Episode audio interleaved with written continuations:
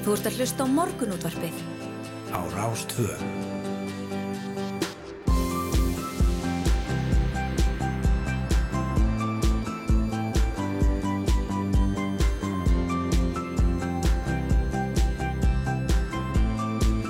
Morgunútvarpið Á Rástvö. Morgunúttarpið býðu góðan dag, þriðudaginn 7. september. Klukkuna vantar einhverja tímyndir í, í sjö og það er yngvar þór og Snæður og Sindradóttir sem alltaf seti hérna með okkur til klukkan nýju. Já, það komið heitt í botlan og við erum tilbúin að, búin að æfa errin okkar og káin okkar og ellin okkar og allt þetta sem þarf til þess að gera góðan útvarstátt. Alltaf helsta, eh, við komum víða við í þætti dagsins eins og svo oft áður. Við ætlum að já, ræða við unni Gunnarsdóttur, hún er varað selabankastjóri og sér um fjármáleftriðið en tilkynningum um eh, já, peningaþvætti hér á landi hefur fjölgað mikið síðustu ár og eh, já, Selabank Íslands stóð í gerð fyrir ástefnum varnir gegn peningaþvætti og fjármögnun hriðjuverka og við ætlum að ræða þessi mál við unni sem segir hagkerfunu stafa ógn af slíkum glæpum. Mm. Heimsóknum á heilsugjastlana hefur fjölgað um 40% frá 2019 svo nú hefur heilsugjastlan blásið til herrferðar til að auka heilsulæsi almennings. Já, og hvetja fólk kannski í leðinni til að leita ekki til læknis þegar það er með umgangspestir sem ekkert býtur ánema ónæmiskerfið okkar og tíminn. Ragnir Ósk Erlendstóttir, framkvæmtastjóri hjúkurnar hjá heilsugjastlu höfubrukarsveðasins, kemur og segir okkur frá átakinu sem hefur fengið nefnið heima er pest. Emmett. Og alþingi á að koma saman eftir viku en mögulega verið þing kallað saman fyrir ef skýrsla ríkis endurskoðunar um umdelda sölu ríkisins á hluta sínum í Íslandsbanka best fyrir þingsetninguna 13. september. Það kom fram í, í, já, á frétt, í frétt á, á vís í gæra að skýrslan sé væntaleg innan tíðar. Við ætlum bara að þingveturinn framundan stöðu flokkana og líkleg ja, deilumál við Ólaf Harðarsson, professor í stjórnmálafræði. Mm -hmm. Lauruglan sagt það svo um helgina nokkra aukumenn sem tóku myndbönd af sleisavatangi með þeim raukum að þeir hefðu notað síman undir stýri.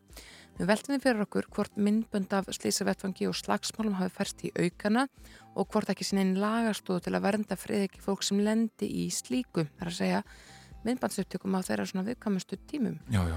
Til eitthvað kemur Veitis Eva Lindahl, sviðstjóri hjá Personuvenn til að ræða þetta mál og já, hvað má, hvað má ekki og hvað almenningi kannski finnst að ætta mega. Já, já, nákvæmlega.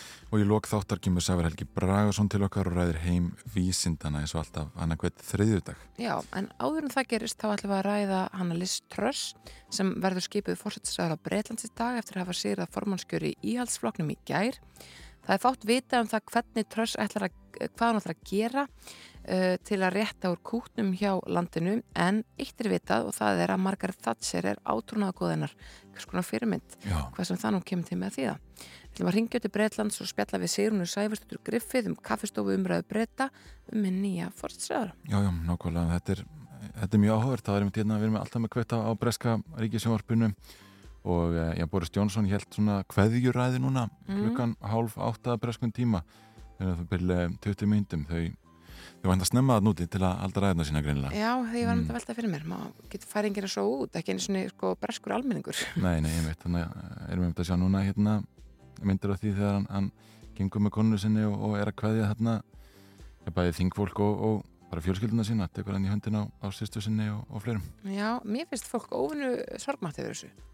Já, einmitt, Það er alltaf það er alveg fólk að gráta og eitthvað Já, já, í sko starfsmannaliðinu. já, einmitt. Maður hefði ekkert endilega búist því. Nei, ég veit ekki, ég veit ekki, kannski er hann einslegur. Hvað, Já, er já, maður? akkurat, akkurat. Maður ímyndi sér eins og þetta sé svolítið að vinna með bara hérna, bara með Michael Scotter Office eða eitthvað svona. Að, hérna, þetta Já. sé svona karakter sem er, sem fer mikið fyrir uh, á vinnustæðanum. Minnum alltaf Eh. á Tóma Tómat sem var í hagköpum. Það er líka eitthvað, já, einmitt. talar á mann. Já. Mm. Herðu, uh, eigum við aðeins að líta á forsýður bladana. Hér í morgunbladinu er verið að að ræða hitt og þetta en uh, já, maður nú alveg nefna þess að mynd sem er hér á forsýðunni, marglittur mynd að svarma við Reykjavíkurhöfn. Var svona myndir af þessu á samfélagsmiðlum í gæra að það er mikil fjölda af marglittum í höfnum landsins. Mm og um, fjölmarkar bláglittur, marglittur tegund sem er nokkuð algengvistur til Íslands mynduðu svarma nálagt innsiglingar vitanum við Sæbröyti Reykjavík í gerð möguna tímabil marglitta stendur yfir á höstin og þetta virðist vera gott ára mati Guðjóns Más Baldurssonar sérfræðings hjá Háransóknarstofnun miða við fjöldan sem hefur sapnað saman við hafninnar hér á landi.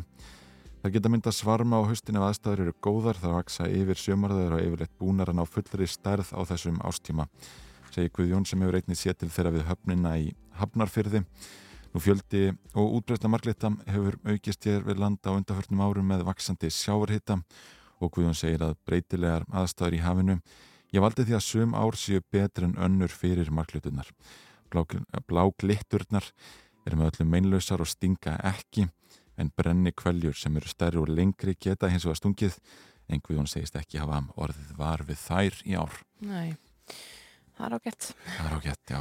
Hér er fórsíðu fréttablasins er mynd af stelpunum okkar því að frá loka æfingu þeirra í útrækt í ger en hvernig landsliði mætir silfurliði síðasta heimsmeistra móts Hollandi í hreinum úrslutalík í dag dugur jafntefni til að koma Íslandi í loka keppni HM hvenna í fyrsta sinn.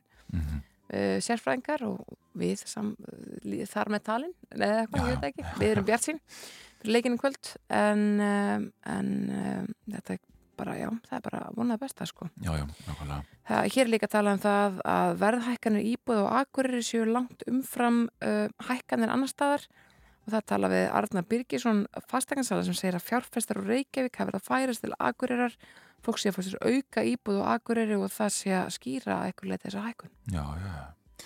Nú það er rætt um uh, samkeppniseftirliti hér uh, uh, á fórstíð morgunblassins. Við kemum fram að samkeppniseftirliti til í ástöðlega rannsaka frekar samkeppnislega áhrif á samruna norsku fiskjaldis fyrirtækjana Salmar og NTS. Ástæðar rannsóknarinnar er áhrif samrunas hér á landi. Það sem íslensku fyrirtækin Arnalags og Arctic Fish eru dótturfélög norsku fyrirtækina og þótt rannsóknin beinist að áhrifum á markaðin hér er hugsanlegt að íhlutun samkeppnis eftirlitsins sem ennlikur ekkert fyrir um að eh, ja, verði hafi áhrif á viðskiptin sem leitu til samrunans í eh, Nóri. Eh, já, þetta er, þetta er áhagvert hérna á fórsýðum morgunblassins.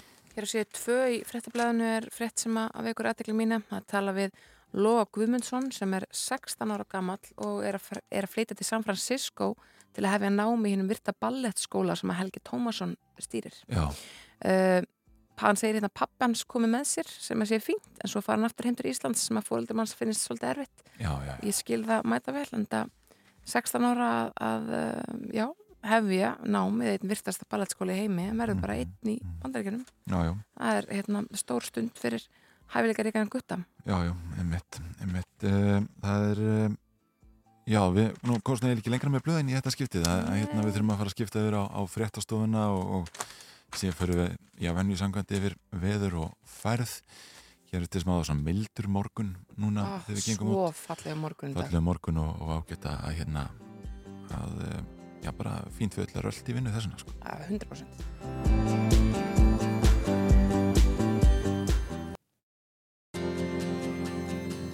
Þú ert að hlusta á morgunútvarpið á Rástvö.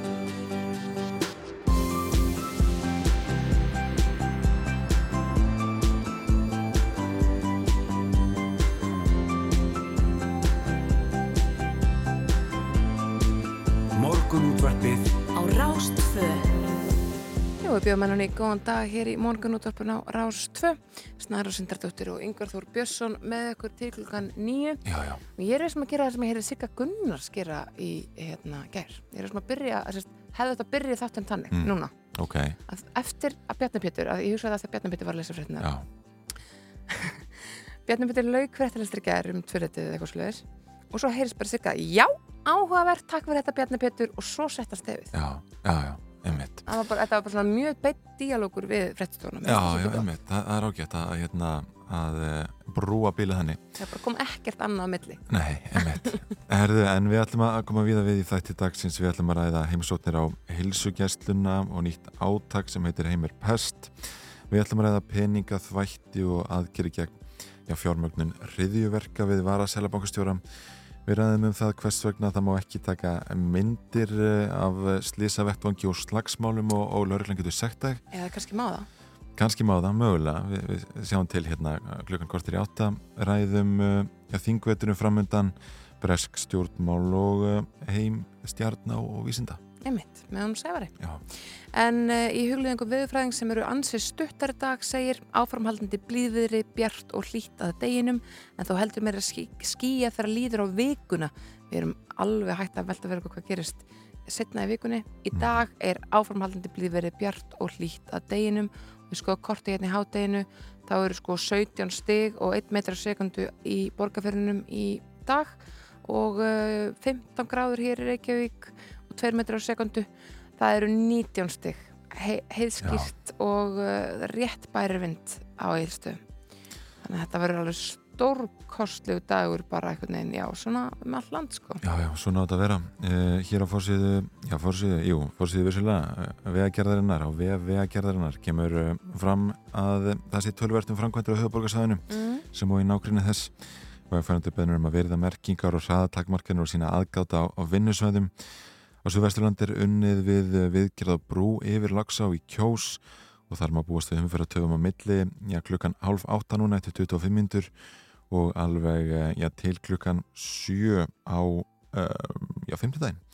Það er það að tekið niður og vegfærandur bennur um að aka varlega. Nú vegna klæðingarvinnu uh, á Dynjandisheiði má búist við umfyrir að töfum þar í dag og næstu daga frá Nordals á að Þverdalsvatni og inn á Bildudalsveg á Suðurlandi. Þar verða þrengingar á gatnamótum Suðurlandsvegar og Biskups tungnabrautar þar sem verið er að tengja ringtorkið við nýja veginn. Hraðinni tekið niður og vegfærandur bennir að sína tillitsemi. Framkvæmdi mun standa yfir eitthvað fram í vikuna og, eh, og síðan eru svona hinnar og þessar tilkynningar hér á vef vegagerðarinnar sem byrtast hér í, í svona formi Twitter um, fæslu og uh, já það er til að mynda unnið að lengingu vinstriböju akbrunar af sæbröð við skeiðarvók þar eru einhverjar tafir og, og sumulegis er uh, já en unnið að breykun ringvegar millir Selfoss og hveragerðis. Þar eru stóru aukutæki sem þverja veg og hraðin tekið niður í 50-70 km klukkusund. Og uh, já já vegfærandur þar eins og annar staðar bennir um að akka uh, með það í huga og bennir að gæta varúðar. Einmitt. Og talandum uh, vegarina, þá er þetta þjóður 66 með KK. Vissir þú einhver að það er ekki til þjóður nummer 66 á Íslandi? Þjóðvegur 66 Í fjallæg síndist fjöllum er að blá. Fundu hvorki sjálfa sinni eitthvað sem þau þrá Á þjóðvegi 66 Ó, þjóðvegi 66 Manneskjur og flótta Ástað og ferði gegnum New York og Disneyland og nýðar þessi með Allir beigðu vestur, held í sömu átt, sáttu upp á plassinu, það hafði engin hátt. Á tjóðvegi 66, fjallægt um síndist, fjöllin er að blá, fundu hvorki sjálfa sinni eitthvað sem þau þrá, á þjóðvegi 66, ó, þjóðvegi 66. Jón Nokk Steinbeck, hann fór þessa slóð og hann skrifaði skruttu um undarlega þjóð. Um fólk í nauðum sem leitaði að náð, mætti fjandskap allt þetta skráð. Á þjóðvegi 66, örlung á spilin, en kjöð var ekki góð, annarkortan degi eða fara þessa slóð. Á þjóði 66 Já, á þjóði 66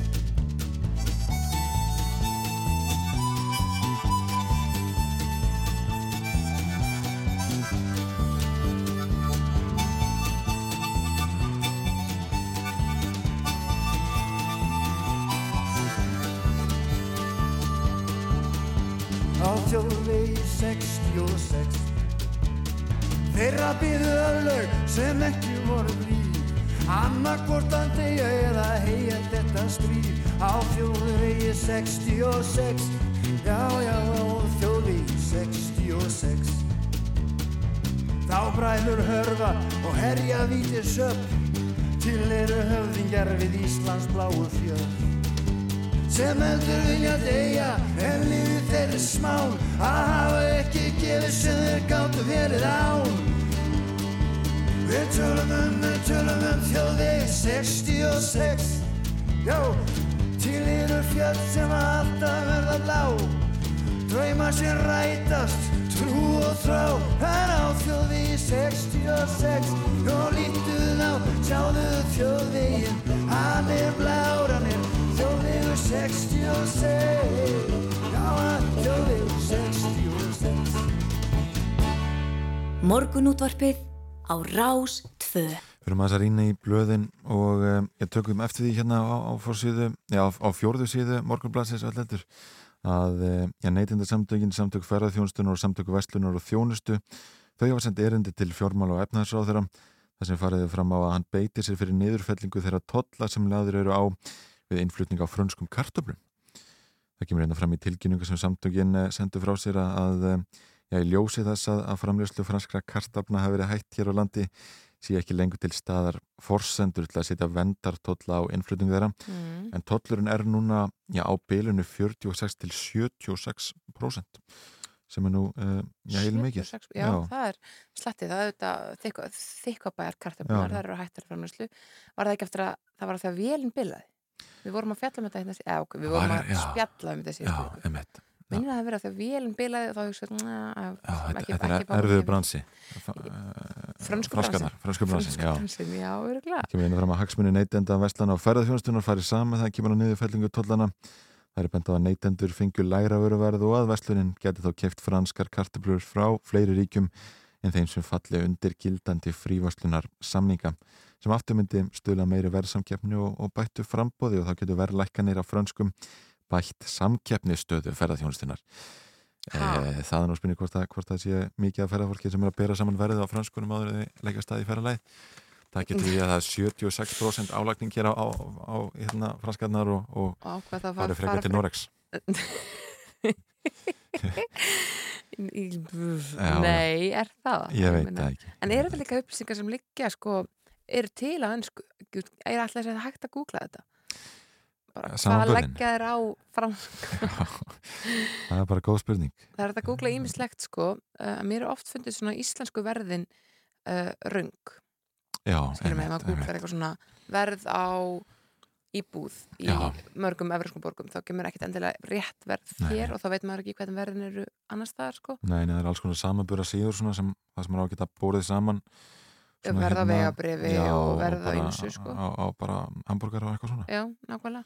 Það er ekkert endilega, það er ekkert endilega mjög svona áræðanlegar, sko. Nei, einmitt Já, Já, en, já, en eh. sko, já, en ég meina, hambúrgarinn er auðvitað, hérna, ekki fullkomnaði nema með franskum, sko. Nei, nei, nákvæmlega, þannig að þetta fer allt saman um, Hér á, á vísi er, er sömulegis verið að ræða já, svona hugmyndið þessi viðumæðisrætti þessum þetta um, Það eru verið að fjallum þá staðrenda Kaliforníuríki um, ég sé reyna að gera núna allt sem í, í þess valdi stendilega minka umferð og útblástur frá umferð. Og nú er búið að setja lög já, búið að setja lög og samþykja þau sem heimila ríkun að greiða íbúum um, já, þúsund dollara fyrir að eiga ekki bíl. Já. Um, já, við hefum rætt rætt eh, þessar humdir, við Björn Teitsson. Nákvæmlega, að borga fólki, eða, en þetta, hugmyndi var svo að þú getur fengið skatta, sko, frádrátt til, fyrir að kaupa rafbíl, sem að var alveg bara, bara eina hálf miljón eða eitthvað, það var alveg ótrúlega há upphæð hér á landi. Og hann sagði að það væri sangjant, sko, að s- svipuð upphæð færi þá í afslátt eða, eða hvernig sem það, hvernig sem svo greiðslega er ynda hendi til þeirra sem ekki eiga bíl, sem kjósa að eiga ekki bíl. Já, það voru áhugaður sko hugmyndir. Þetta er svona spurning um ívillanir og svo framvegis. Já, já einmitt, er- þetta er mjög Já. og, og hérna þetta er alltaf mikið e, já, svona mikið bílaríki getur við sagt, Kaliforníuríki. Já bara bandaríkin yfir höfuð Já. eru mjög hérna. En uh, ég ætla að segja reitt yngvar ára við förum í lag af því að verbúðum var svo opasla vinsalegna upp af árs. Þá er verbúð að ball á Seltjarnesi um helgina. Já, og uh, það er alls konar fólk sem að Herbjörg Guðmundsson er að fara að opna þetta og, og svo er Steppi Hilmars og Selma Björns og eitthvað svona. Þannig fyrir þau sem að einhvern veginn klæjar ennþá í lópapausuna og gúmiskona þá er hægt að kíkja á það um helgina. Já, já, það er ágætt. Það er spurning hvort við fáum eitt, eitt annað lag. Já, þetta er Milky Chance með Synchronize Smoke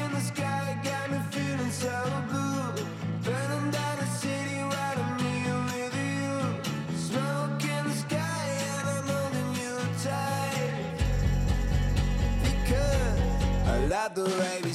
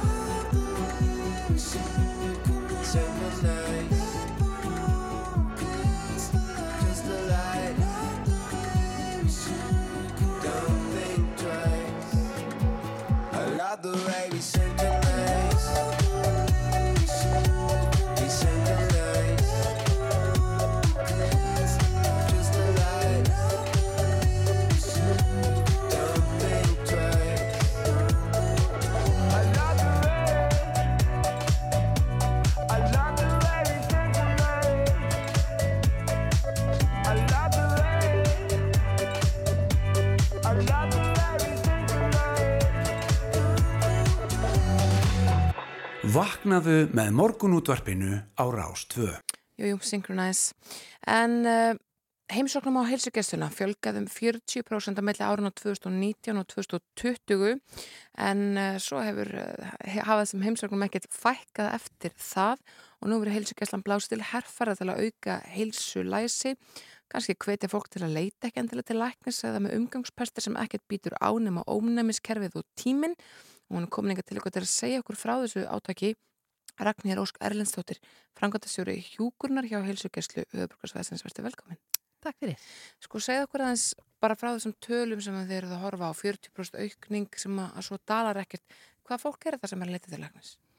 Já, þetta eru alls konar tilvik um, en við sjáum þessa aukningu í þessum komum sem eru svona, við kallum svona bráðakomur Mm. sem eru að kom, bara koma samdægus og ekki bókaðan tíma.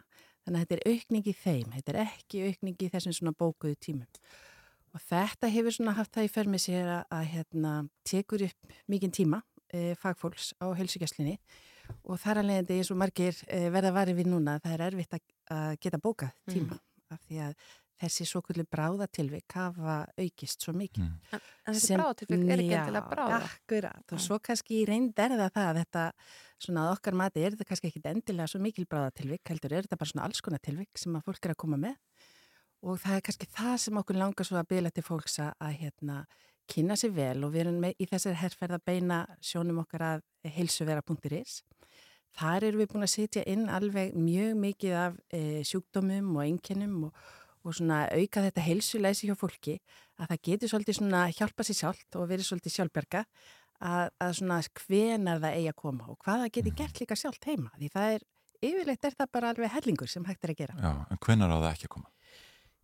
Það er svona þessar veiru og umgangspestir sem að, hérna, við þekkjum svo vel og er kannski lítið, við vorum náttúrulega í COVID og vorum svolítið alveg því að allir þyrst að fá einhvern veginn greiningu og komið sínatöku og, og slíkt um leið og einhver enginni væru.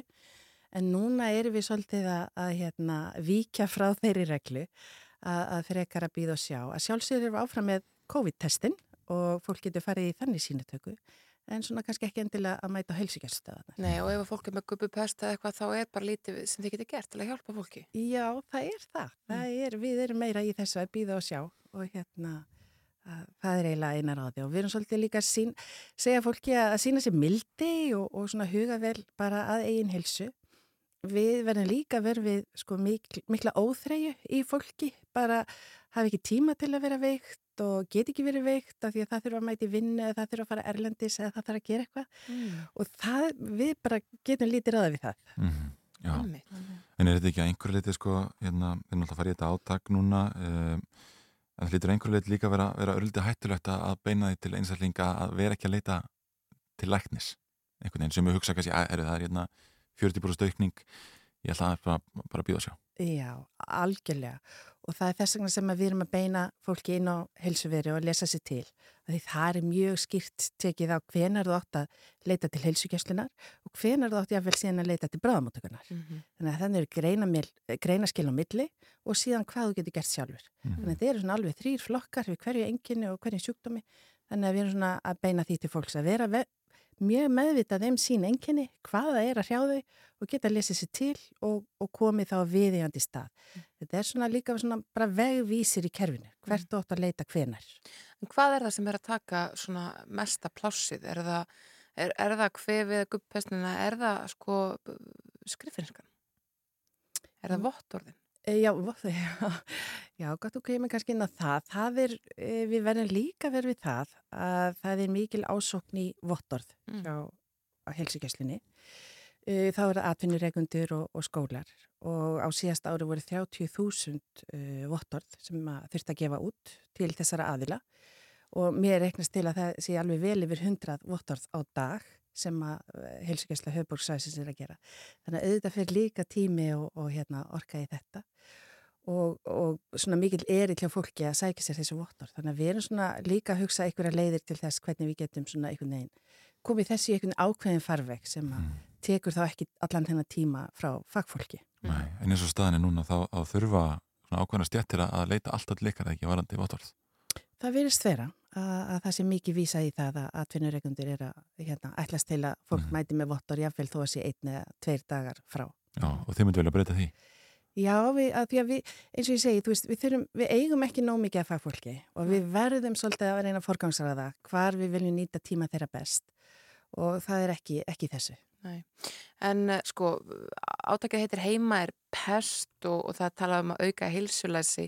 Hefur heilsulæsi fólks sko farið rakandi út af einhverju öðru heldur en COVID og svona greininga, greiningakröfunni? Það gæti verið, það er náttúrulega líka svona kynnslóða svolítið skipti og hérna, við verðum svolítið verið við það að unga kynnslóðan í dag er svolítið hérna, er vön að fá hlutina strax og, og hérna ætlast til að fá lausnir á öllu strax og, og svona lítil þólmaði, þannig að það getur verið einliðin en það er erfitt að segja kannski algjörlega hvað Já. það er. Getur líka verið að kynnslóðan sem svona er að eignast börn núna sér svolítið duglega að fara með börnin sín til læknis við minnsta tilöfni. Já, og við verðum heilmikið verið við það að fólk bara sæki bönni sín að því þau eru honum læsinu á leikskólanum og komu við á helsugæslinni. Já, bara í leiðin af leikskólanum. Þannig að það er líka eitthvað sem við viljum þú veist, það þarf að gefa þessi smá tíma og Já. þetta gengur yfir og það er svona herrferðin líka, þetta gengur yfir, við verðum bara svona sína smá þólum með þið. Áhugavert. Eh, Hvað, tekur, hvað verður átökið lengi? E, við erum að hugsa það núna í, í byrjun september og svo ætlum við kannski bara að reyna í, þegar að koma svona, hvað segir maður, e, stór tímabil í heilsifólk nú fyrir influensan að bresta á og Mhm. að þá er líka gott að hafa eitthvað í, í erminni og, og svona reyna bara svolítið að breyðast við og, og, og hafa þetta spjall við almenning í landinu. Já, já, Kíkja á heilsuveru áður en að maður leggur að stað áður maður panta tíma. Já, það væri frábært. já, já, nákvæmlega. Ragnir Ósk Erlendsdóttir, frangotastjóri hjúkurnar hjá heilsugjæslu höfbrukarsveðsins. Takk kærlega fyrir komuna í morgunúðarpið. Takk sem leiðis.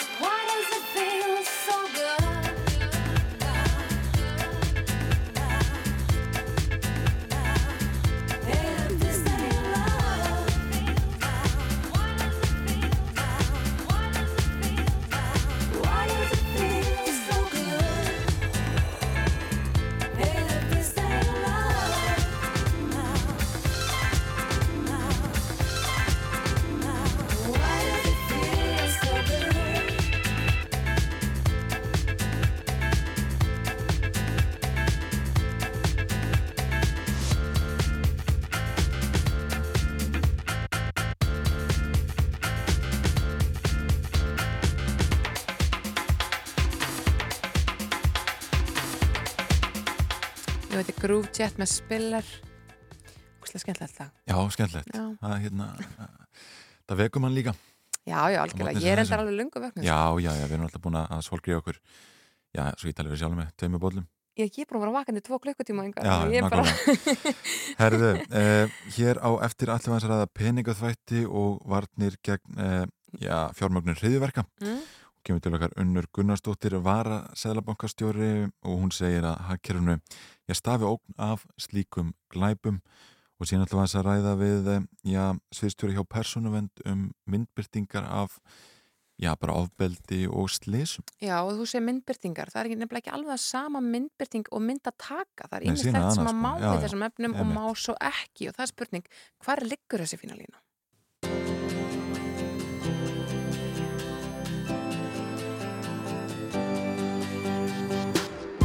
Ert að hlusta á morgunútvarpið á Rás 2.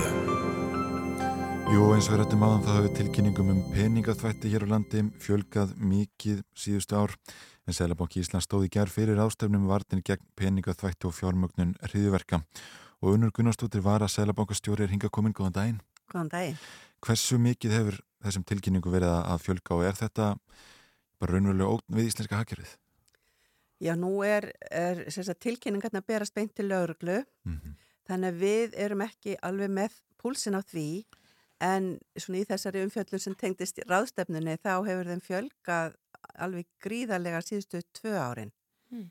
Og það hefur líka verið gert svo mikið átak í meðvitund þeirra sem eiga tilkynna um uh, grunnsamlega viðskipti og, og miklu meiri leiðbenning til þeirra um það hvernig þið skulle standa að því. -hmm. Þannig að þetta hefur sprungið út og ég held að sé bara orðin miklu meiri meðvitund um einmitt að þetta ógnar, ógnar hagkerfinu, þetta er líka bara, þetta er bara ef þú vilt hafa heiðarlegt og gott samfélag, þá þetta eru, og, það, og þetta eru sko, mi- mikið til skipulöð brotastarðsemi.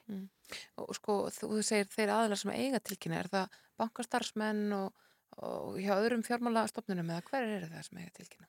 Það eru mjög margir. Mm. Það eru í raun og veru allir sem að, öll þau fyrirtæki sem að fjármála, sem að við sem að erum, höfum með fjármála eftirlit að gera erum sagt, framfylgjum og en bankarnir eru útsettasti fyrir að vera misnotaðir að þennan hátt af, af fjármálafyrirtæki, miklu útsettari en lífyrirsjóðir eða vátringafélög en það eru líka mjög margir aðrir sem, sem að hafa þessar skildur sem að er ekki uh, sem að það, það er ekki hlutverk okkar í sælabankarum að framfylgja því heldur er það ríkiskattstöri sem að hefur tekið það að sér.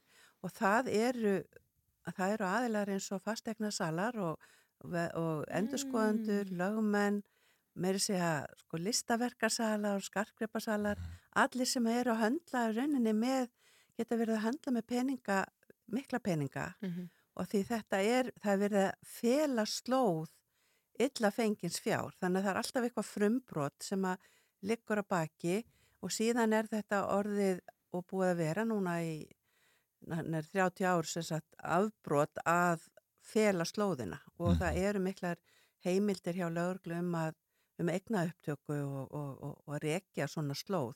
Af því að það er kvatin á bakvið afbroti, það er, það er þessi gróða kvati sem að þannig að það verður að reyna að stemma gera það erfiðara þannig að þessi minni kvati til þess að fremja frumbrotið. Já, já, einmitt. En þið voru að fara á þessari rástunni aðeins yfir svona sjóna með eftirlýsaðila og, og löggjastlunar og, og hvernig þessi tilkynningaskilda virkar og annað slíkt en líka um fyrirhuga breytingar á regluverki Evrópusambansins og, og þannig eh, er verið að taka á þessum málum allt öðru sig núna en, en áður og, á að breyta þessu eitthvað núna á, á næsta árum. Já, þetta er, það, það, það er alltaf að færast meira og meiri þungi þetta og, og það var eitt af því sem að var uh, líka fjalla heilmikið um á ráðstefnunu, það var raunni hver kröfnar eru orðna miklar í dag nú þegar með sko, áhættu miðuðu eftirliti með það eiga allir þessir tilkynningaskildu aðilar að vera með áhættu möt og slíkt. Og það sem kom fram með mitt frá fulltrúa Frankværtastjórnar Európusambansins að það er verið að Það er verið að endurskoða þetta regluverk enn einu sinni og það var að tala um að sagt, að- þetta er kallað AML, það er anti-money laundering, það er það sem er skamstöfunni fyrir. Og núna verður sagt bæði tilskipun og, og reglugerði sjötta útgáfan sem að Mm. verður að vinna að.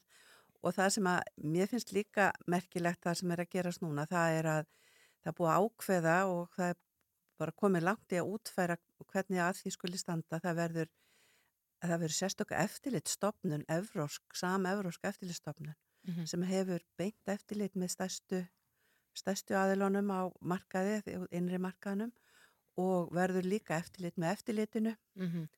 Þannig að það er bara verið að, það bara verið að þingja þetta Mm. fyrir okkur. Já, Já. og segir sko sam-evrósk uh, eftirlitstofnun sjáu þið í ykkar hérna bara uppsingum uh, að það sé mikið verið að þvætta erlend fyrir hér á landi, þar að segja erlendi glæpa hópar komið til Íslands og þvætti fyrir.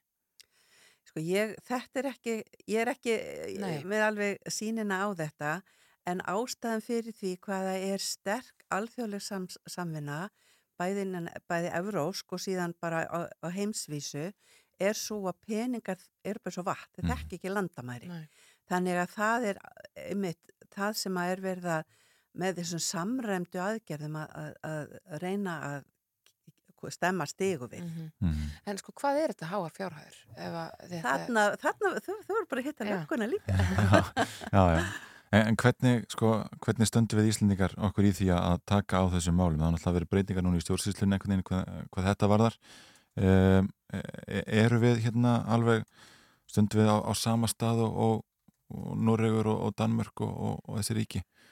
Já, ég held að mér sé alg, algjörlega óhætt að segja það en auðvitað var þetta mikið áfall fyrir okkur sem að erum í hérna að reyna að, vera að halda kerfinu sem bestu að þegar að Ísland var grálistað hjá hérna alþjóða var sem að heita Financial Action Task Mhm. Force og það var það var alveg spark í, í okkur Mhm. að, að hérna, taka höndu saman. Það er orðið miklu sterkara net að því það koma svo margir að þessu. Það er náttúrulega sko, innan stjórnkerfisins og svo allt, allt þetta fólk sem þarf að uppfylla þessar uh, tilkynningaskildu kröfur. Sko. Mhm. Þannig að þetta er, þessuna, er þessi meðvitund mjög mikilvæg. Mm. Já, já. En eins og fastegnasalara, þú nefndir þá, uh, sko, er til dæmis í til dæminu að fólk sé kannski að kaupa og selja þá eignir rætt til þess að vera komið með Eitthvað svo leys, já. reynan ágóða hinum já. megin. það, það er það, þannig verður það þetta er peninga komnir í eitthvað svona eðlilegt Já. umhverfi lítur út fyrir að vera eðlilegt Mm og þetta hugtak money laundering þetta kom þetta kom uppalega til bara snemma á síðasta síðustu öll þegar að verið var að eldast við Al Capone í bandaríkjónum að hann var náttúrulega mjög stórtækur í skipulegri brotastarðsemi og, og hann notaði myndþvottahús, átti fyllt af myndþvottahúsum Mhm. og þá var það, einmitt, það, það er reyðuféð sko, sem Já. er líka eina af þessum vísbendingum og í dag er verið að nota líka svona cryptocurrency svona, Mhm. eins og, Já, eins og rafmyntir. hafið þið miklar af Rafmyntir. því að rafmyndirnar verið notaðar í, í já, já við höfum það vissulega Mm. og, verð, og séu notaðar Mhm. það er, það er þekkt En hver- hvernig er þetta að fylgjast með því? Sko það er, það er auðvitað, það sem er á, á svona blockchain, það er auðvitað mjög vel, vel skráð, en það er ekki, þetta er ekki svona ofinber greiðslumiðil sem að e, lítur neinum, neinum slíkum lögmálum. Nei, nei, nei, nei. Þannig, Þetta þetta er allt saman mjög já. Við bara þökkum fyrir kominninga til okkar í, í morgunúttarpið, unnur og, og um, höldum áfram að fylgjast með þessum málum.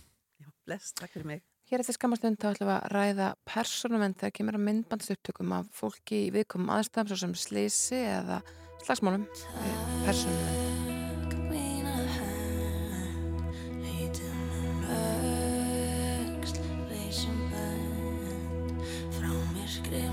Stressum draugar vaku elda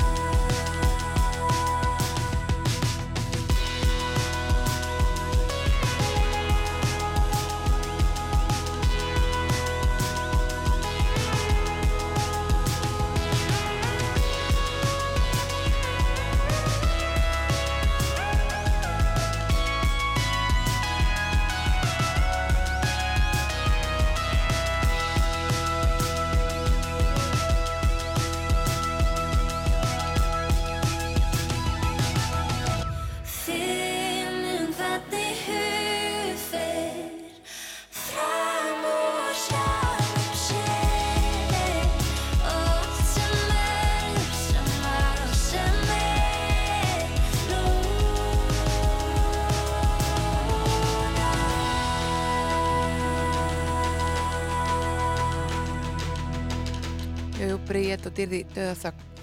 En um helgina sektaði lauruglan nokkra aukumenn sem tóku myndbönd af slísavettangi með þeim rökum að þeir hefðu notað síman sinn undir stýri sem verða sá sér bannað og það veitum við öll.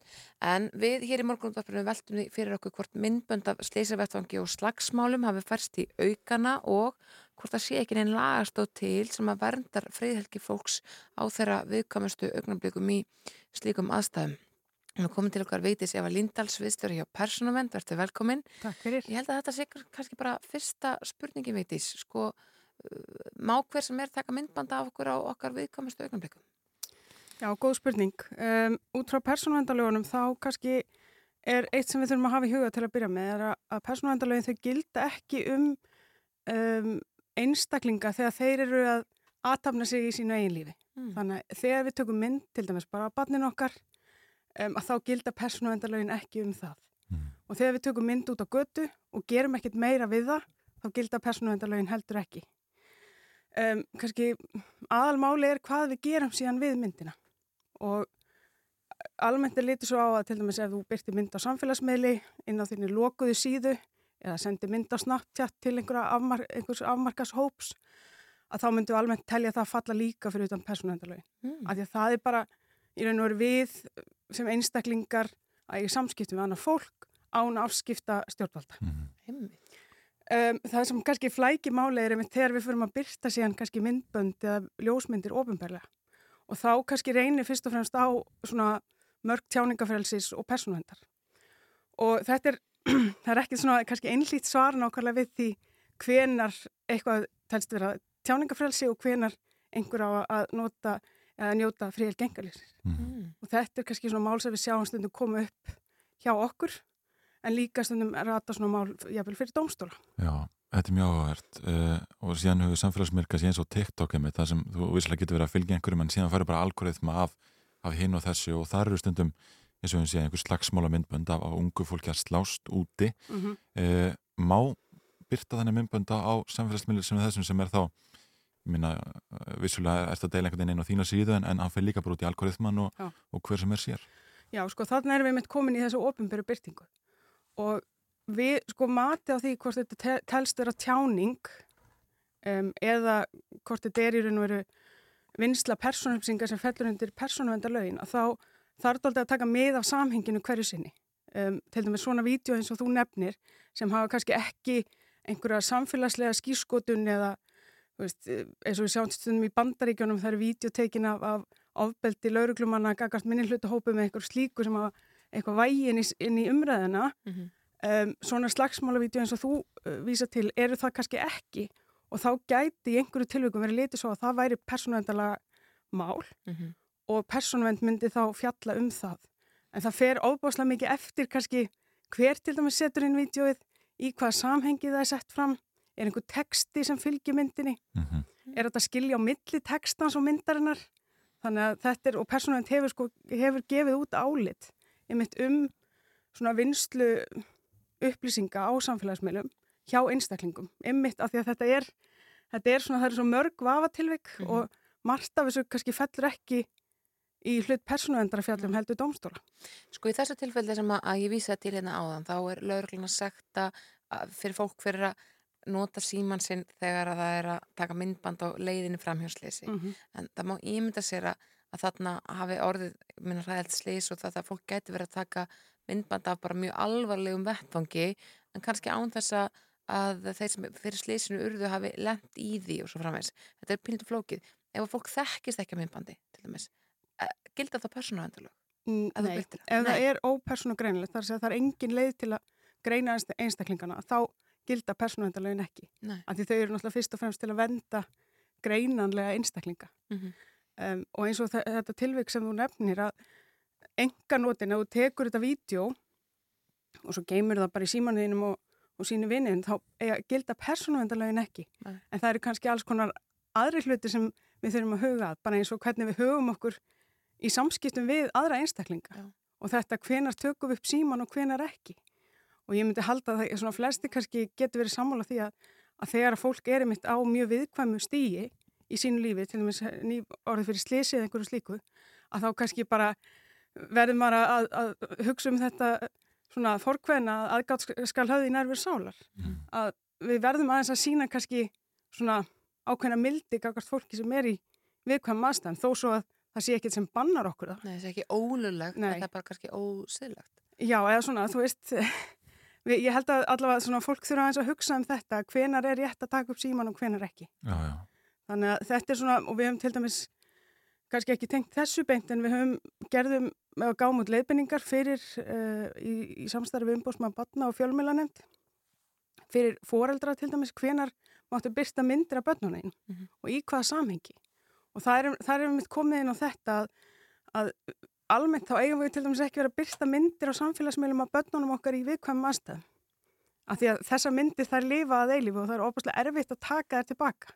Þú veist þegar barni er að kapna úr frekju um mataborði eða Já. er að fara í aðgerð eða um, meiðir sig og er hágrátandi á myndinni skilji það er þetta þetta er kannski ekki beint persónum sko, persónumvenda lögin en þetta er svona hvernig umgöngust við netið af ábyrð Já. Já, en það hefur ekkert verið mikið um það að vera að sekta fólk hreinlega fyrir það að, að byrta einhverja myndir af slagsmálum.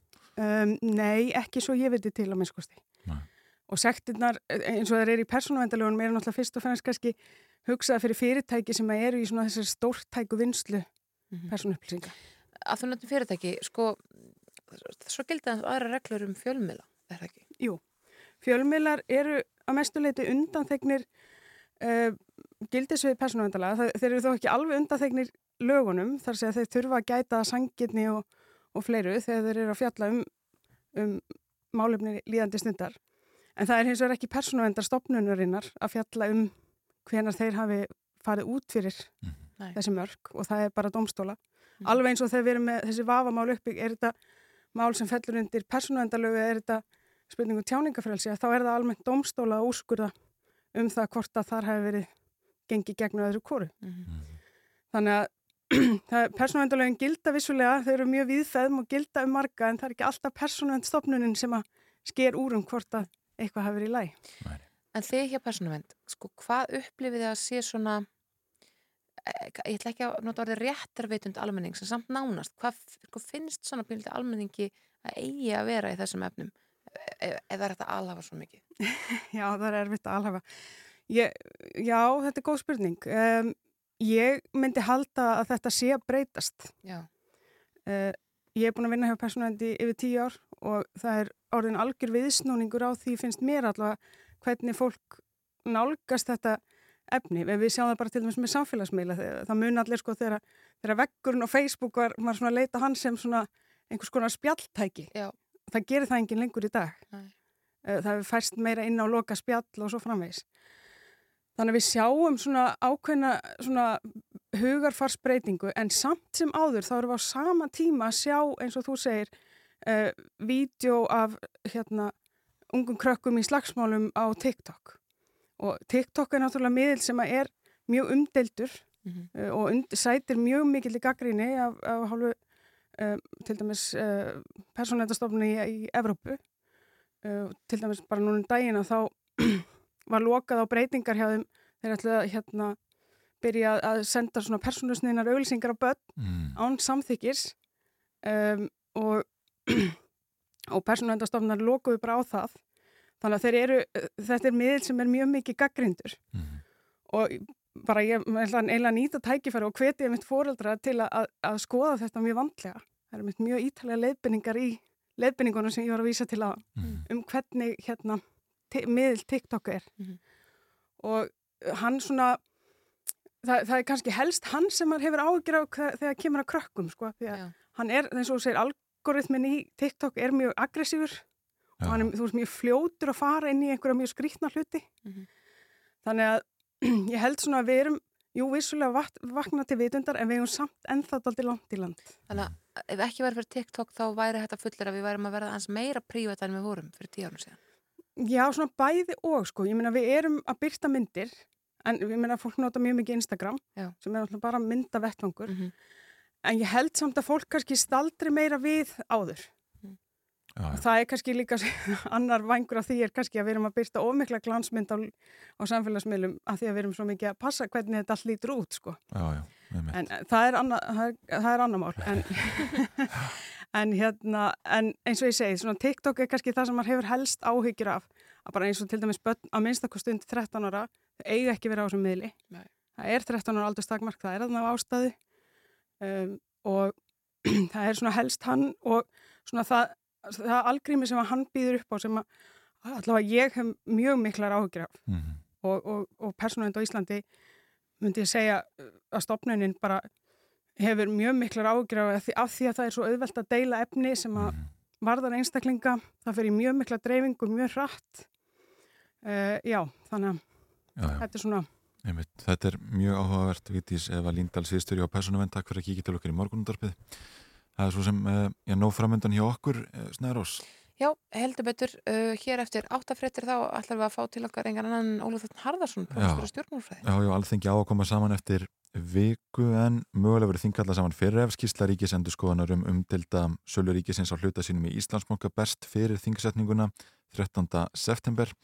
Það kom fram á eh, vísi í gæra að skýrslan sé væntalega innan tíðar á loka metrunum var sagt.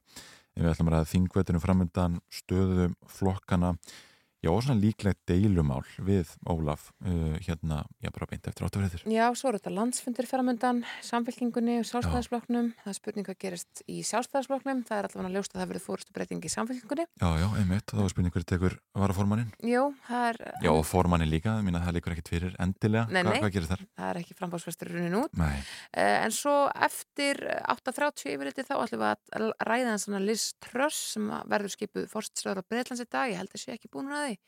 Hún er búin að vera aðeins hérna á uh, VF nei, sjónvarpinu þeirra, BBC Breakfast. BBC Breakfast að. Já, já, og uh, hún segir að þið formannskjöri í íhaldsflokknum í gær.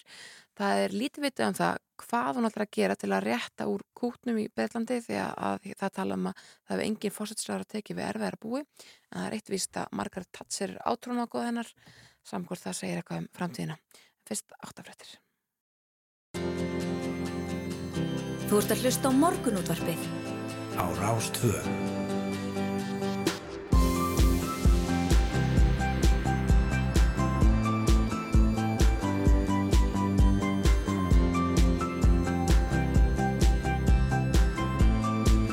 Morgunútvarpið Á Rástfö.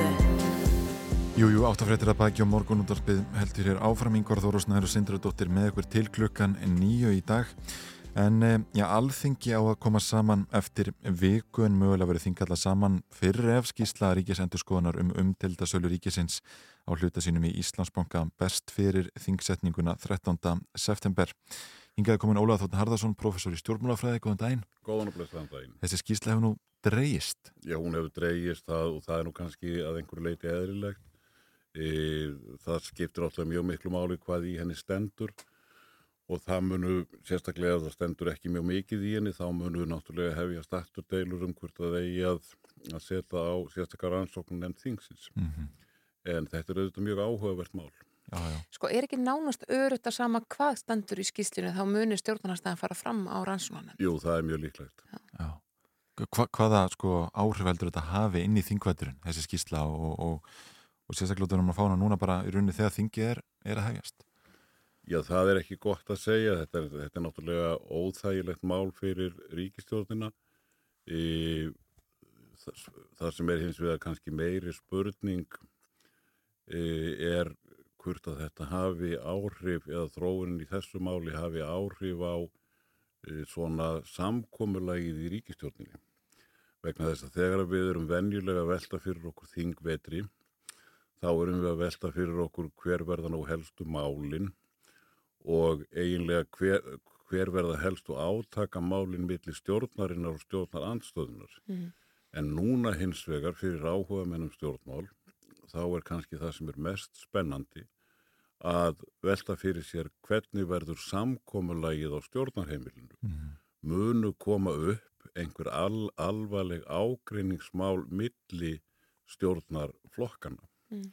og það hefur e, verið augljóst núna á þessu kjörtímabili að það hefur verið svona meiri pyrringur milli stjórnarflokkana heldur en var á síðasta kjörtímabili. Og við sjáum líka að að núna í, í, í, í könnunum að ríkistjórnin sem vann þennan afar óvenjulega sigur í síðustu kostningum, það er var, hafði ekki gerst í langan tím og gerist mjög sjaldan að stjórnarflokkar bæti við sig en það gerði stjórnin 2020, 2021 en ef við skoðum fylgist þróun stjórnarinnar frá 2017 og áfram þá hafði hún í rauninni svo stjórn verið á svipuð róli og allar aðrar stjórnir frá, frá hrunni það er að segja byrjar með meira hluta fylgi fer síðan undir undir uh, 50% bæði stuðningur við stjórnana, stjórnina og sameinlegur sameinlegt fylgi flok, stjórnarflokkana og þannig að á þeim tíma áður en COVID byrjaði þá virtist ríkistjórn Katrínar bara vera á sama ferli eins og stjórnindar og undan.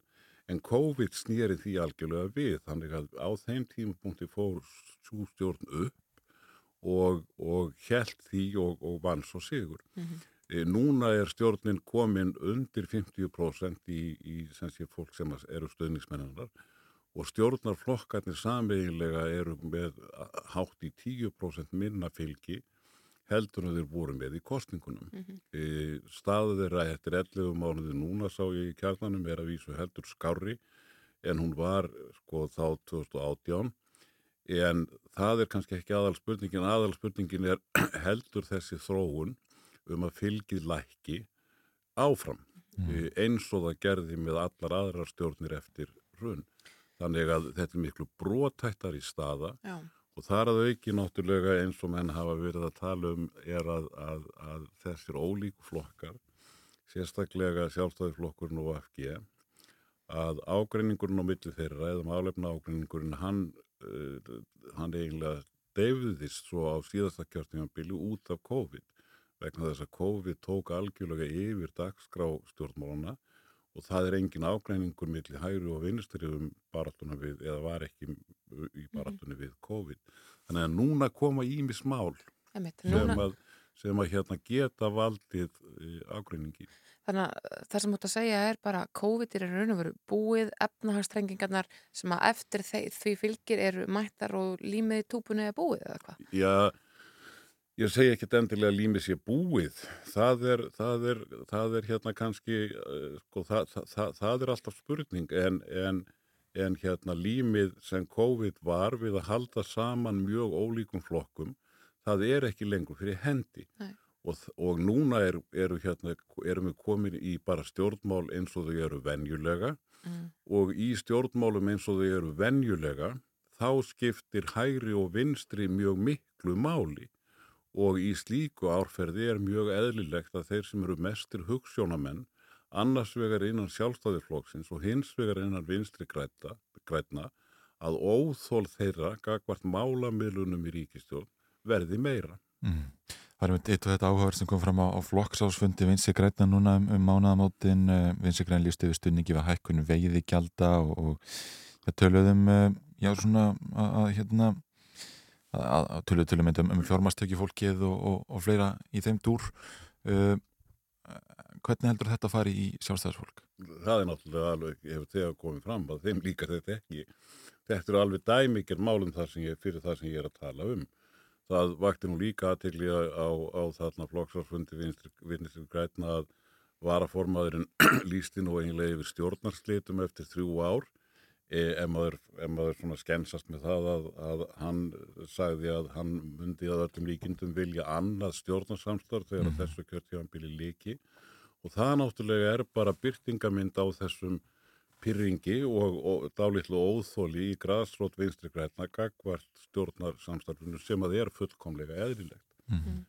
E, og þessi mál sem þú nefndir eru dæmigerð mál þar sem að er ágreiningur. Það er í, í rauninni við getum einfaldað þetta kannski með því að segja um hvort að það eigi að, að auka skattheimtu á þá sem að betur eru settir sem að eru þetta dæmigerð mál sem að vinstri flokkur stiður og vinstri græn náttúrulega ættu að styðja í öllu venjulegu áferði en sjálfstæðiflokkur náttúrulega móti sem að er frekar með lá, lá, láskatta stefnu er náttúrulega ekki hrifir af því. Mm -hmm. Fjármakstekjuskatturinn, alls konar hátekjuskattar e, falla þarna undir. Eðlileg ágreiningsmál sjálfstæðiflokks og vinstri græna og það sem ég tók líka eftir í kostningabaráttunni síðast var það að framsóknarflokkurinn, bæði Sigurður Ingi og ekki síst ásmundur Einar, þeir voru að taka undir svona vinstri hugmyndir ef þú vilt í, í, í,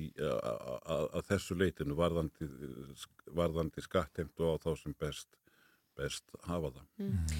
Sko, það, þú segir að vinstra og hægri skiptir mjög miklu máli í svona venjulega árferði en, en margir sem hafa gagnað þessar ríki stjórnum og líka bara þeir sem hafa verið að velta fyrir sér pólitík undanverðin ár segja að í dag sé vinstra og hægri kannski ekki alveg ja, uh, mikilvæga skilgrinningar þessi frekar frjálslindi og íhald sem að sé svona það sem að, skipti máli í, í stjórnmálum í dag uh, og, og þar sé þessi ríkistjórn svona ekkert sérstaklega breytingarsinnuð heldur að það gæti haldið þeim saman að það sé krafa og ómikla breytingar hjá hinnum flokkunum sem að, að þessir flokkar er ekki til að gera landbúnaðkerfinu, sjáhaldskerfinu og svo Mhm. framvegis Já, menn eru náttúrulega búin að tala um það að vinstri og hana líka. vinstri og hægri séu hérna úrelt hugtekki pólitík síðan að ég var smástrákur. Já, og e, ekki bara hér á Íslandi heldur hér í nákvæmlega löndunum og það sem hefur gerst í stjórnmálum hér eins og víðar er að hægri og vinstri eru í minna mæli eina vítin í stjórnmálum eins og það var ví- víða áður, ekki alltaf það samt. Það hafa komið inn fleiri vítir eins og til dæmis umhverfismálin og, og, og, og fleiri vítir en rannsóknir hér og í Evrópu benda eða sí, sína fram á að ennþá er hægri vinstri það sem að sá þáttur sem að mestu máli skiptir í, í huga kjósenda. Mm. Þessi klassíst og hægri vinstri málum um, um skatta, skipningu þjóðkókunar og þar fram til göttunum. Mm. Ég veit, ég kannast við þessa umræðu að menn tala um sko að, að núverandi stjórnarflokkar séu varðstöðum menn um óbreytt kerfi stjórnaranstæðan vilji róttakari breytingar í, í til dæmi sjávortusmálum og landbúnaðamálum undanfarið hefur það nú kannski helst verið viðreist sem að hefur svona hamrað á, á, á þessu. E, og e, það er engin ástæða til að gera lítið úr þessum átaka, átaka þætti. En vinstri grænmundu nú vall að fallast á það að þau væru varðstöðumenn kyrstöðu e, þau eru nú að bóða einhverjar breytingar í sjáurðsmálunum Mm. e, þó, að, þó að það sé ennþá e, alveg sendis óljóst e, hvert það, hvert það leiðir. Já, já. Ef við lítum að þess á stjórnar aðstöðuna, það eru til að mynda breytingar í, í samfélkingunni, hvaða, hvaða áhrif heldur það hafi og er, er stjórnar aðstæðan einhvern veginn samstíga að fara í þinnan þingveitur? Já, það sem að hefur verið ábyrjandi með stjórnar anstöðuna undanfærin ár og er líka núna Í fyrsta lagi þá náttúrulega er stjórnaranstöðan ekki held eins og stjórnin. Menn hafi ekki, flokkar hafi ekki valið það að vera saman í stjórnaranstöðu. Þannig að það er fullkomlega eðlilegt að stjórnaranstöðu flokkar séu ósamála. Og ef við skoðum núverandi stjórnaranstöðu flokka þá sjáum við í fyrsta lagi að miðflokkurinn hefur þar algjörlega, algjörlega sérstöðu. Hann er, hann á mjög fátt sameinlegt með öllum hinum uh, stjórnarnarstöðuflokkunum og reyndar á hann heldur ekki mikið samanhýlegt með stjórnarflokkunum. Hann er svo lítið svona sér á, á báti í sínum málefna áherslu. og þeir eru bara tveir Og þeir eru bara tveir þannig að í rauninni núna og hafa verið að mælast úti í sömum könnunum þannig að þessi misserinn er miðflokkurinn náttúrulega bara afl sem að skiptir mjög litlu máli í íslensku, íslensku politík þó að það getur auðvitað breyst. Mhm. E, síðan kemur uh, hérna e, flokkur fólksins. E, hann er líka dálítið sér á báti leggur, er með svona kannski þrengri áherslu heldur en margir aðrir á fátakt og öryrkja og, og þeirra, gjör þeirra sem minna mega sín. En hinir þrýr stjórnlandstöðuflokkarnir samfylkingin viðreisn og, og píratarnir að þeir hafa undanfarin ár sínt samstöðu í mjög mörgum málum og það kemur líki ljós í kostningaransóknum að kjósendur líta á uh, þessa flokka sem, uh, já, kannski ekki sýsturflokka en flokka sem að séu málefnarlega tiltölulega nálægt hver öðrum. Og ef að ríkistjórnir eru myndaðar út frá málefnum þá, þá hérna myndi það eiginlega leiða til þess að þess, svo, þessi flokkar séu svona eðlilegir samstarflokkar í, í ríkistjórn og í rauninni til, það myndi nú ventanlega þurfa fleiri flokka inn í slíka miður vinstri stjórn. En, og þar kæmu í rauninni sko, framsóknarflokkurinn til greina e, vinstri græn kæmu auðvitað til greina og jafnvel e, flokkur fólksins það sem að er hins vegar aðteglisvert með með e, nýjan formann í samfélkingunni það virðist nú vera bara nánast formsaldrið þegar Kristrún Frostadóttir verði formaður og hún hefur lagt áherslu á að, hún vilji einfalda málflutning flokksins og uh, legg, fara aftur í ræturnar eða kjarnan og í rauninni, ef ég skil hana rétt, leggja meiri áherslu svona á, á kjör, uh, á lífskjör venjulegs fólks uh, sem að er meira svona kannski klassískar, kratískar rætur. Svona millist þetta eitthvað? Já, líka og sumir hafa talið, hafa tólkað þetta þannig að samfélkingin, eða ef að samfélkingin ætla að leggja megin háslu þetta, þá sé hún bara hægt að styðja all önnur mál sem hún hefur stutt hinga til. Hún hefur til dæmis ætla ekki að styðja að þetta Európa-sambandinu eða, eða, eða stjórnarskána eða, eða e e eitthvað þess áttar. E það er náttúrulega í sjálfu sem miskilningur. En það sem að gæti gerst og, og, og verður áhugavert að fylgjast með er hvort að þessir þrýr flokkar uh, gangi eiginlega bara í það á þessum vetri að auka svona verkaskiptingu milli flokkana. Það er að segja koma upp einhvers konar kerfi þar sem að þeir eru í sjálfu sér sammála í grófum dráttum segjum um stefnuna í sjáróðismálum og Evrópumálum en uh, viðreist verði aðal talsmaður þessar að þryggja flokka í því máli. Mm. Þeir séu líka tiltalega sammála um kjaramál og skattamál og, og, og breytingar og efnaðarsmálum en samfélkingin verði aðal talsmaðurinn í því. Þeir muni áfram reyna eitthvað með stjórnarskrána þó að það virðist nú reyndar svona minni og minni líkur á því að, að, stjórnarskráin, að ný- nýja stjórnarskráin svo kvöldu komist óbreytt í gegn Mhm. en varðandi svona stjórnarskrármálin og gegnsægi og, og, og svona andkerfis áherslur að þá séu þau líka tiltölulega sammála um, um meginatriði en píratarnir verði svona aðal talsmaður. Þetta er svona, þetta er svona e, finnst mér svolítið skemmtileg tilgáta Já, já. og, og laka til að sjá hvort að, hvort að við munum sjá þróun eitthvað í þessa veruna. Já, já, emitt.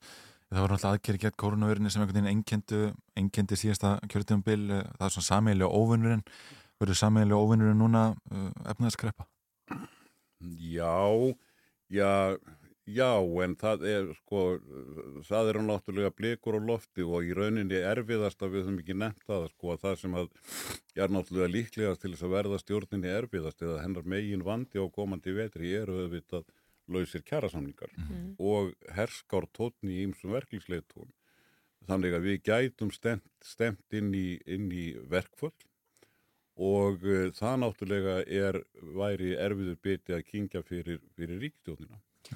Fyrir næstu kostningar geti skipt á sköpum að, að ríkistofnar límið haldi fram yfir sko einhvern efnahagsbata þannig að, að það sé komin uppsveifla þegar að, að næstu kostninga verða. Já, mér finnst nú reyndar ólíklegt að eins ég er, er, er, er nú eh, held að, að það sé nú rétt hjá varaformanni VFG að burt sé frá því hvernig kaupin gerast á veirinni þá sé nú ekki líklegt að. VFG fari í þriðja kjörtímabilið í röð í stjórn með sjálfstæðuflokknum þó maður eigi aldrei að segja aldrei. Nei, nei.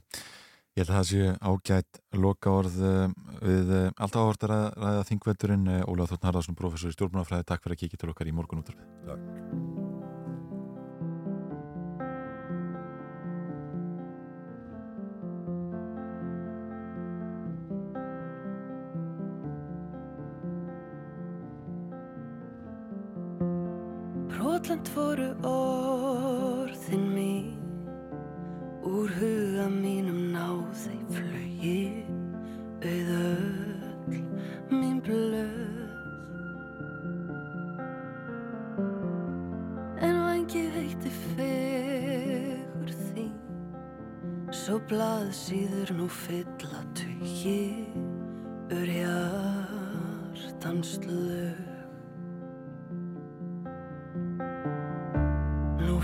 be the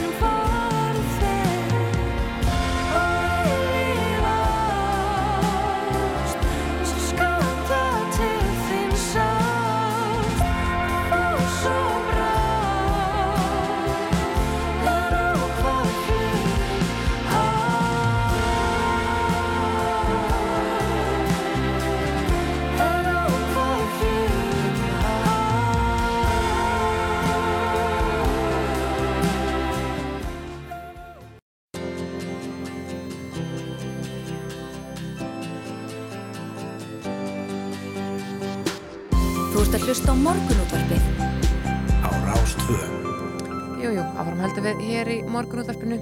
Liz Truss verður skipuð fórsettisræður að Bretlands í dag eftir að hafa sigrað formánskjör íhaldsflokksins í gær. Það er svo sem ekkert margt vitað um það hvað hann ætlar að gera en uh, það er eitt vitað að hún er svona, já, hún er tölvert hægri, hægra megin við miðju og, og fólk svona, já, uh, óttast að hann sé komin einhver nýr Margaret Thatcher. Hún er komin á línunni hjá okkur Sigrún Sæfarsdóttir Griffith sem er búsett í Breitlandi, verðu vel, eða, komdu sæl. Hæ, hæ. Eh, Við erum aðeins að velta fyrir okkur svona kaffestofuspjalli breyta um þennan nýja fórsætsráðura og hvernig eh, þetta allt saman svona leggst í eh, landan. Hvað getur þú sagt okkur um það? Já, þetta eru náttúrulega, það verður sjaldan sagt að síðustu ár hafi verið leiðinleg í Bröllandi. það hefur gengið á ímsu. Þannig að fólk svona er bara orðið svolítið langþreytt held ég á, á bullinu og, og hérna og vil fara að fara að sjá eitthvað stöðuleika. Ég hef ekki kannski miklar vonur um það að það komi stöðuleiki með Liz Truss en, en fólk er bara svolítið, ég menna hún hún er rosalega óþægt í rauninni að, að hérna þannig að þetta er ekki manneski sem hefur verið mikið í, í svona sviðsljósinu varðandi pólitík og, og hérna og hún hefur áhugaverðan feril að hún byrjar sem frálslindu demokrati og fer svo lengst yfir, yfir til hægri í, í hérna sjálfstæðsflokknum eða í, í íhjálpsflokknum hérna þannig að, að það er svona maður ma svona les inn í þetta hún er svona svolítið tækifæri sinni held ég Já. ég held að það sé það sem að fólk er að tala um hérna að, að hún segir það sem fólk vil hafa og heyra og, og hefur fengið viðnefnið viðnefnið að eins og við veitum að, að Thatcher var kallið járnkonan hún er kallið járnvindhannin að hún sveitlist á milli milli skoðana eftir því sem hendar henni best. Sko. Já, þannig að, að fólk ber ekkert mikið traust til hennar svona hugssjónar og að hún sé í rauninni að fylgja einhverju sannfaringu af sinni hálfa heldur sé hún að gera það sem að kemur henni áfram sko. Já, og það hefur virkað greinlega mjög vel. Já, já. Það er alltaf mikið verið rætt um, um svona samanbur hennar við Thatcher og, og talaði um þessar hérna, skuggakostningar sem hún tók þátt í í skólanu þegar hún leik Thatcher og, og, og enginn kausan ekki eins og hún sjálf. Eh, sko, við, við tölum um, um þennar sambur hérna. Eh, er, er þetta alveg raunveruleg sambur sem fólk er að, að, hérna, að draga? Ég veit ekki, ég veit ekki hvort sé sannfærandi, þú veist, um þessi samanburður en, en það er eitthvað hlutur sem hún verðist vilja leika, sko. Og hún, hérna, já, þannig að ég veit ekki, það, hún hefur ekkert svona trúverðuleika finnst manni og, og líka, þú veist, að fólk er svona hálpartin að gera svolítið grín á henni, þannig að ég veit ekki hversu lengi hún verður í þessu starfi, hún er líka, já, hún er þriði fórsetisöður en hvern fórsetisöður á Breitland en hún er svo önnur á þessu tímabili þar sem allt er einhvern veginn í upplausn og rosalega mikið af einhverjum kræsi sem er í gangi. Þannig að maður veit ekki líka þess vegna, ég meina hún er ekki kosin af þjóðinni. Nei, nei. Hún erfir þetta hlutverk og hún er kosin af, þú veist, 81 þúsundum, sko. Já, já. Að í 70 miljónar þjóð, það er ekki stórt hlutverk, full. Svo maður veit ekki hversu lang, langvarandi hún verður. Nei, sko íhaldsflokkurinn er búin að hafa þetta embætti í rasvarsinum síðan 2010 þegar Gordon Brown hætti uh, sko, er, er einhvern veginn er bara íhaldsflokkurinn á endalega siglingu hann í Bretlandi eða hvernig, hvernig er það? Kom ekki til greina að Mm. hérna bara kjósa á nýtt eða hvað? Það er það sem að fólk er að vonast til og í rauninni þá eru anstæðingar hérna íhaldsflokksins er að vonast til þess að hún sé það slæm að hún dugi til þess að koma þeim frá sko. Mm. að hérna að það hefur verið undanfarnar daga hefur verið rætt að henni sé ómögulegt annað en að kalla til kostninga og meða við framistuðu flokksins núna á síðustu árum þú veist þá myndir maður svona lógist þengjandi að halda að nú sé komið nóg þú veist, en það, maður bara einhvern veginn á svo erfitt með að sjá hvað gerist vegna þess að það verið svo svo gífurleg langvarandi treyð við flokkin hjá fólki sem að þú veist ef að það hefur kosið íhaldið þá heldur það áfram að, að, að kjósa íhaldið. Svo maður veit ekki, það er erfitt að lesa í þetta sko, hvernig þetta fer. En allavega fólk sem að ég þekki er að vonast þess að þetta sé það mikil katastrófa að hún verður til þess að, að, að þau fari út sko. Já, já. Að síðan- þetta verður það slangt, að ástandi verður já, en síðan þykir Kýr Starmer leitt og í breska verkamannaflokksins ekkert mjög eða hérna, Nákvæmlega. Og það er það nefnilega hvað kæmi þá í staði. Það er ekkit augljós hvað er þið á móti, sko. Að það, það er enga veginn, sko, enga veginn tryggt að verkamannaflokkurum myndi taka við. Og það er ekkit annað, þú veist, ég hef líka verið að lesa greinar um, þú veist, er ykkur, þú veist, þau var ekki tilbúið núna en þá fólk er að vonast þess að verkalisfélagin geti tekið saman höndum og orðið sterkari og öflur og, og fyrir rest að stopna einhvern flokk. En við erum að tala um að það, það eru tvö ár eftir af kjörtímabili í heldsflokksins. Það, ég sé það ekki fyrir að það sé eitthvað ný reyfing tilbúin á þeim tíma.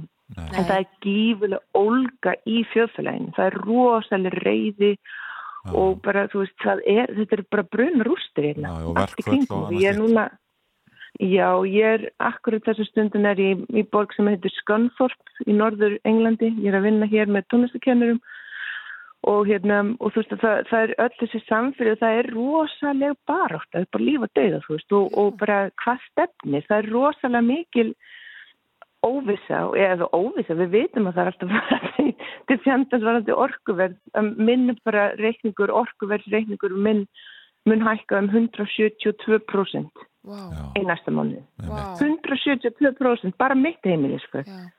Og við erum, þú veist, hvað sem myndi kallast millistéttin, þú veist, og við munum ströggla. Þannig að hvað, má, hvað verður, sko, Já. er bara, þetta er rosalegt. Þetta er auðvitað mjög svona sjokkrandi lýsingar og COVID leka auðvitað Breitland mjög illa líka sérstaklega þarna á, á fyrstu stegum.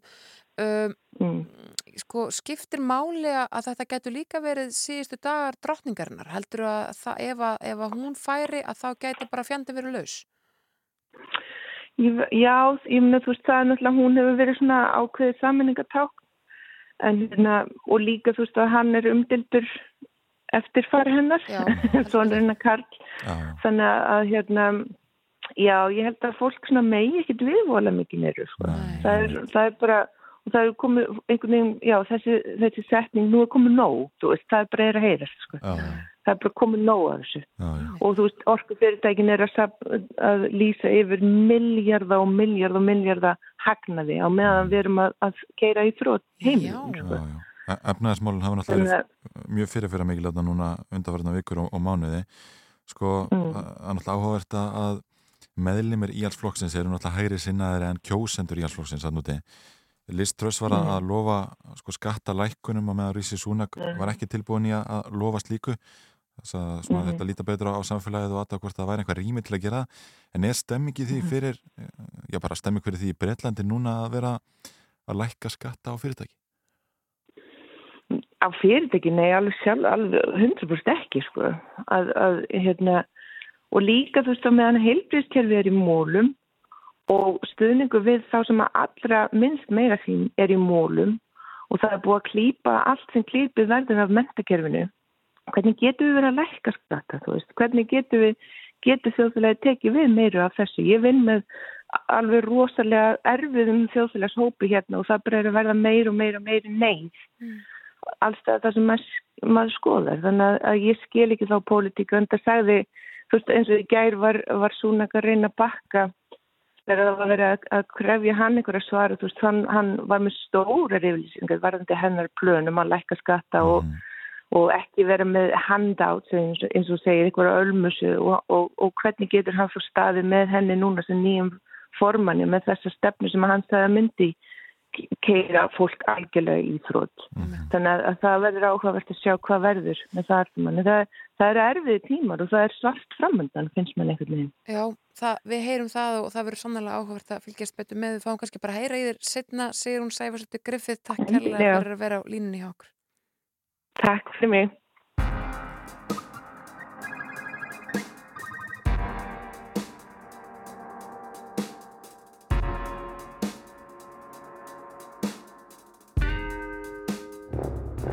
It's morning and we're blue. Cause what happened all night through was made for me and you.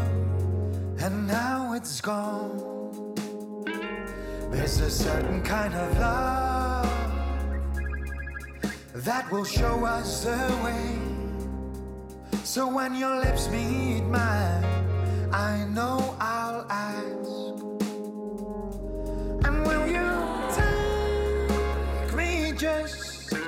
this time? I know I'll find.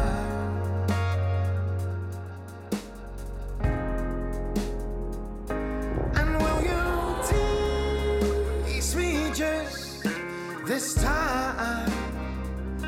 I know I'll find. I know I'll find love from 99. Got the feeling right in time, drifted by. What kind of fool am I to let the world go by and lose another smile? What kind of lips were those who lie with every kiss and now I feel the miss? It's time for love from 99. Got to dream a life, but we had to say goodbye.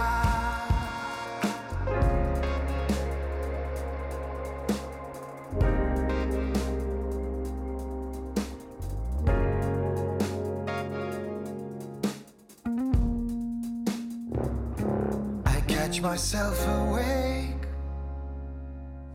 in the middle of the night.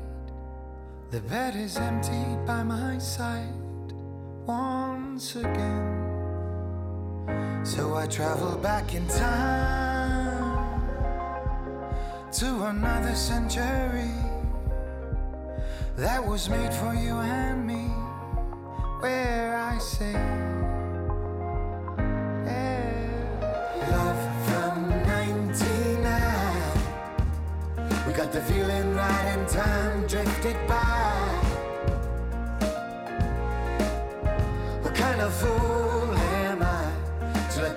go by and lose another smile. What kind of lips were those? Well, lied with every kiss, and now I feel the miss. It's time for love from 99. We got to dream alive, but we had to say goodbye.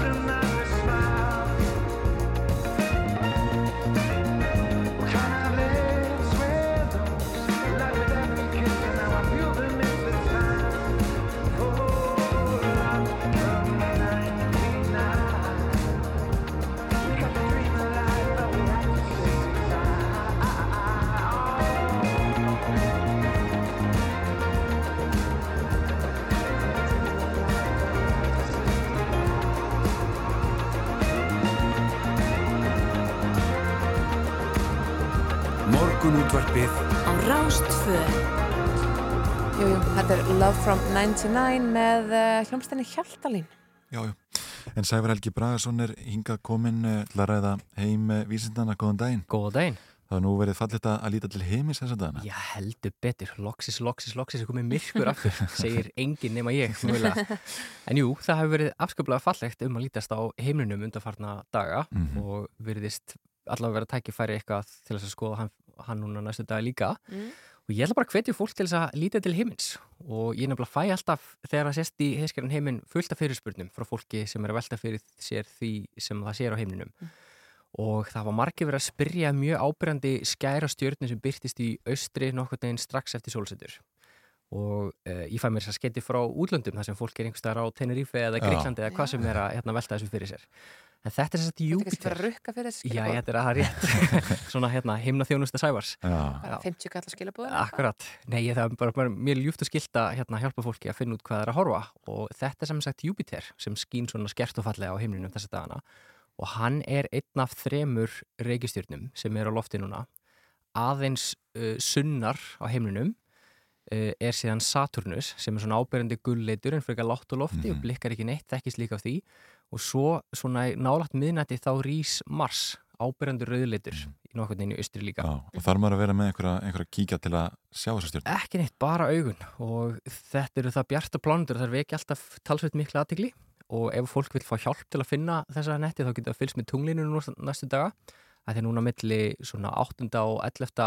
Uh, september þá er tunglið að dansa á milli Saturnus og Júpiters og núna 10. Eh, 10. 11. þá verður tunglið fullt nánast alveg við Júpiter Mm. þannig að það verður mjög öll að finna frá því Já, já. og fyrst það er fullt tungl núna í september þá kallast það uppskýrumáni og ástæðan er svo að e, þegar það farið var að dimma á haustin hérna áður fyrr að þá gotur bændur nýtt sér byrtunum frá tunglunum til þess að halda áfram vinnu lengra fram á, á nóttina og sækja uppskeru uh, sumarsins þannig að það er þess að fara að gerast núna Akkurat, já. og svo náttúrulega hefur verið afskaplega fallið norðurljós líka Já.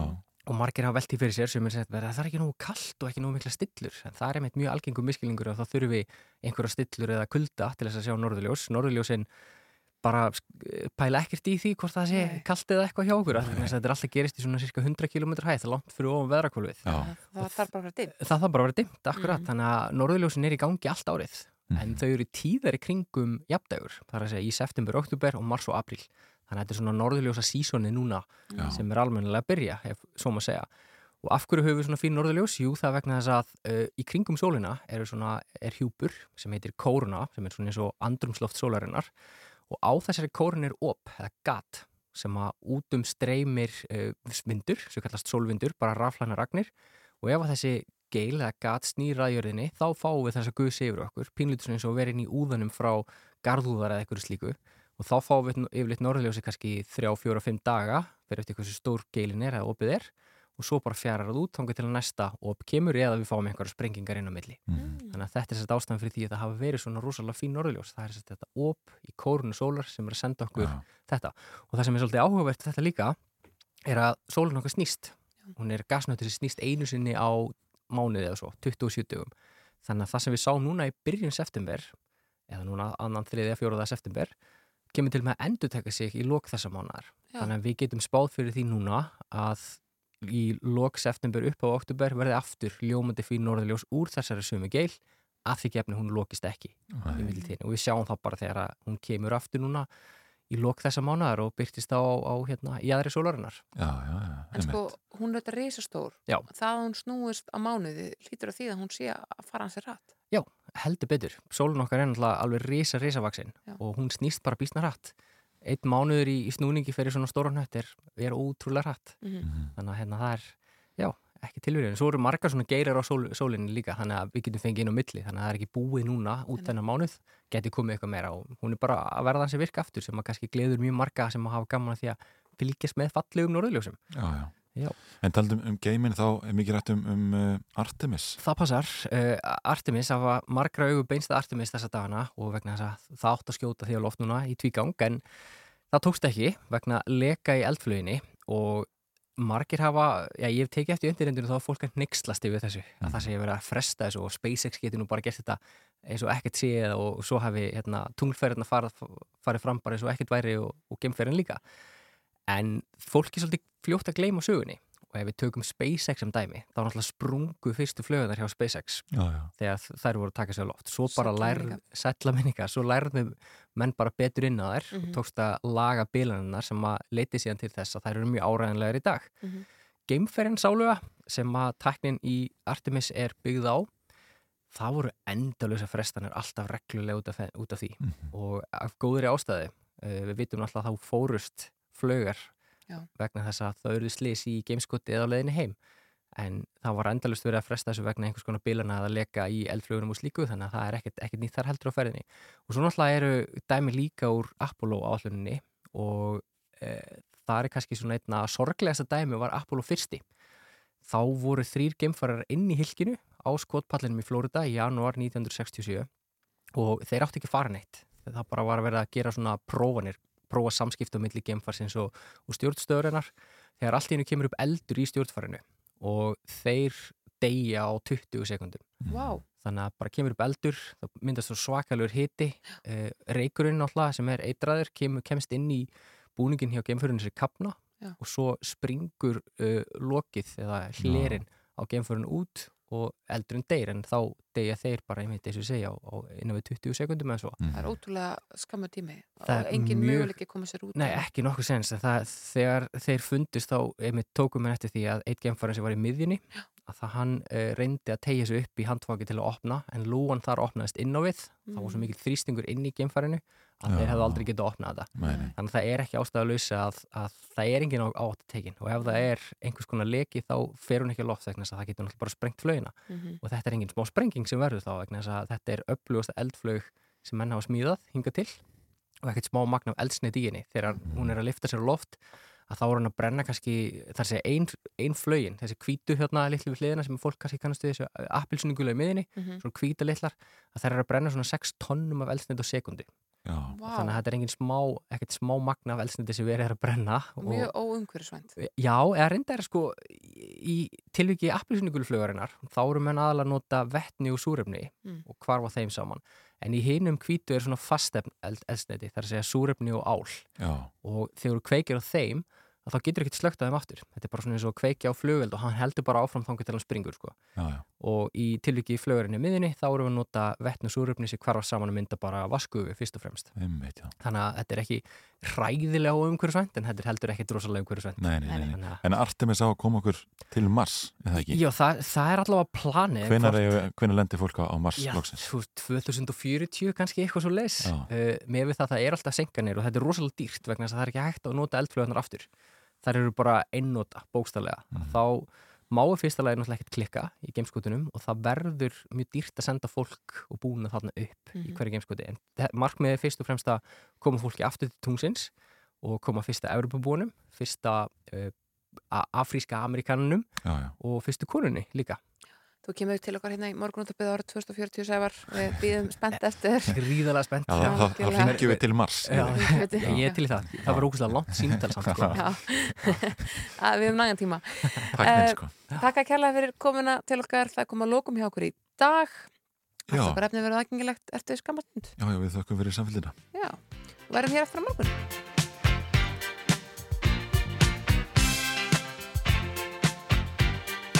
Upside down,